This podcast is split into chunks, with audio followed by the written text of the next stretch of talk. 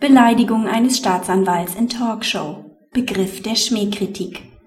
Das Bundesverfassungsgericht hat die Verurteilung eines Journalisten wegen Beleidigung für verfassungswidrig erklärt, der in einer Talkshow einen Staatsanwalt als durchgeknallt bezeichnet hatte. Der Beschwerdeführer war Gast in einer Talkshow, die sich unter anderem mit dem Ermittlungsverfahren wegen Drogendelikten gegen einen bekannten Fernsehmoderator beschäftigte. In diesem Zusammenhang übte der Beschwerdeführer scharfe Kritik am Vorgehen der Behörden und bezeichnete einen mit der Sache befassten Staatsanwalt als durchgeknallt. Das Amtsgericht Berlin Tiergarten und das Kammergericht sahen darin eine unzulässige Schmähkritik, die nicht mehr vom Grundrecht auf freie Meinungsäußerung aus Artikel 5 Absatz 1 Grundgesetz gedeckt werde. Das Bundesverfassungsgericht hob diese Entscheidungen jedoch auf. Zwar werteten auch die Verfassungsrichter den Ausdruck durchgeknallt als eher verletzend.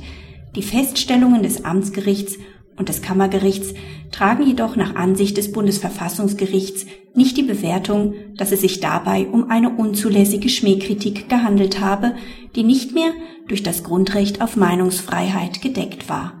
Amtsgericht und Kammergericht hätten hier eine Abwägung zwischen der Meinungsfreiheit und den Persönlichkeitsrechten des Betroffenen vornehmen müssen, was aber nicht in ausreichendem Maße erfolgt sei. Vielmehr hätten sie vorschnell eine der Abwägung entzogene Schmähkritik angenommen. Der Begriff der Schmähkritik ist aber eng gefasst.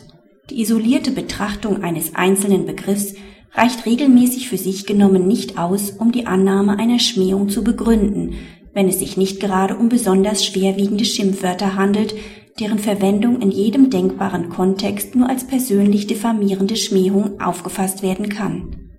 Im vorliegenden Fall hätten die Gerichte auch den sachlichen Kontext der Äußerung mit in Betrachtung einbeziehen müssen. Hier fiel die Äußerung im Zusammenhang mit einer Sachauseinandersetzung um die Ausübung staatlicher Strafverfolgungsbefugnisse. Die Kritik richtete sich demnach in erster Linie gegen den Betroffenen als Amtsträger und seine öffentliche Tätigkeit und nicht gegen seine Person. Für eine Schmähkritik, bei der die persönliche Kränkung das sachliche Anliegen völlig in den Hintergrund drängt, lagen damit nach Auffassung des Bundesverfassungsgerichts keine ausreichenden Anhaltspunkte vor. Praxishinweis.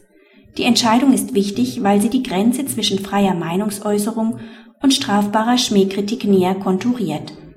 Dass sich das Bundesverfassungsgericht hier für eine enge Definition des, der Schmähkritik ausspricht und der Meinungsfreiheit insbesondere im Kontext öffentlicher Kritik an staatlicher Machtausübung im Zweifelsfall den Vorrang gewährt, verdient Zustimmung.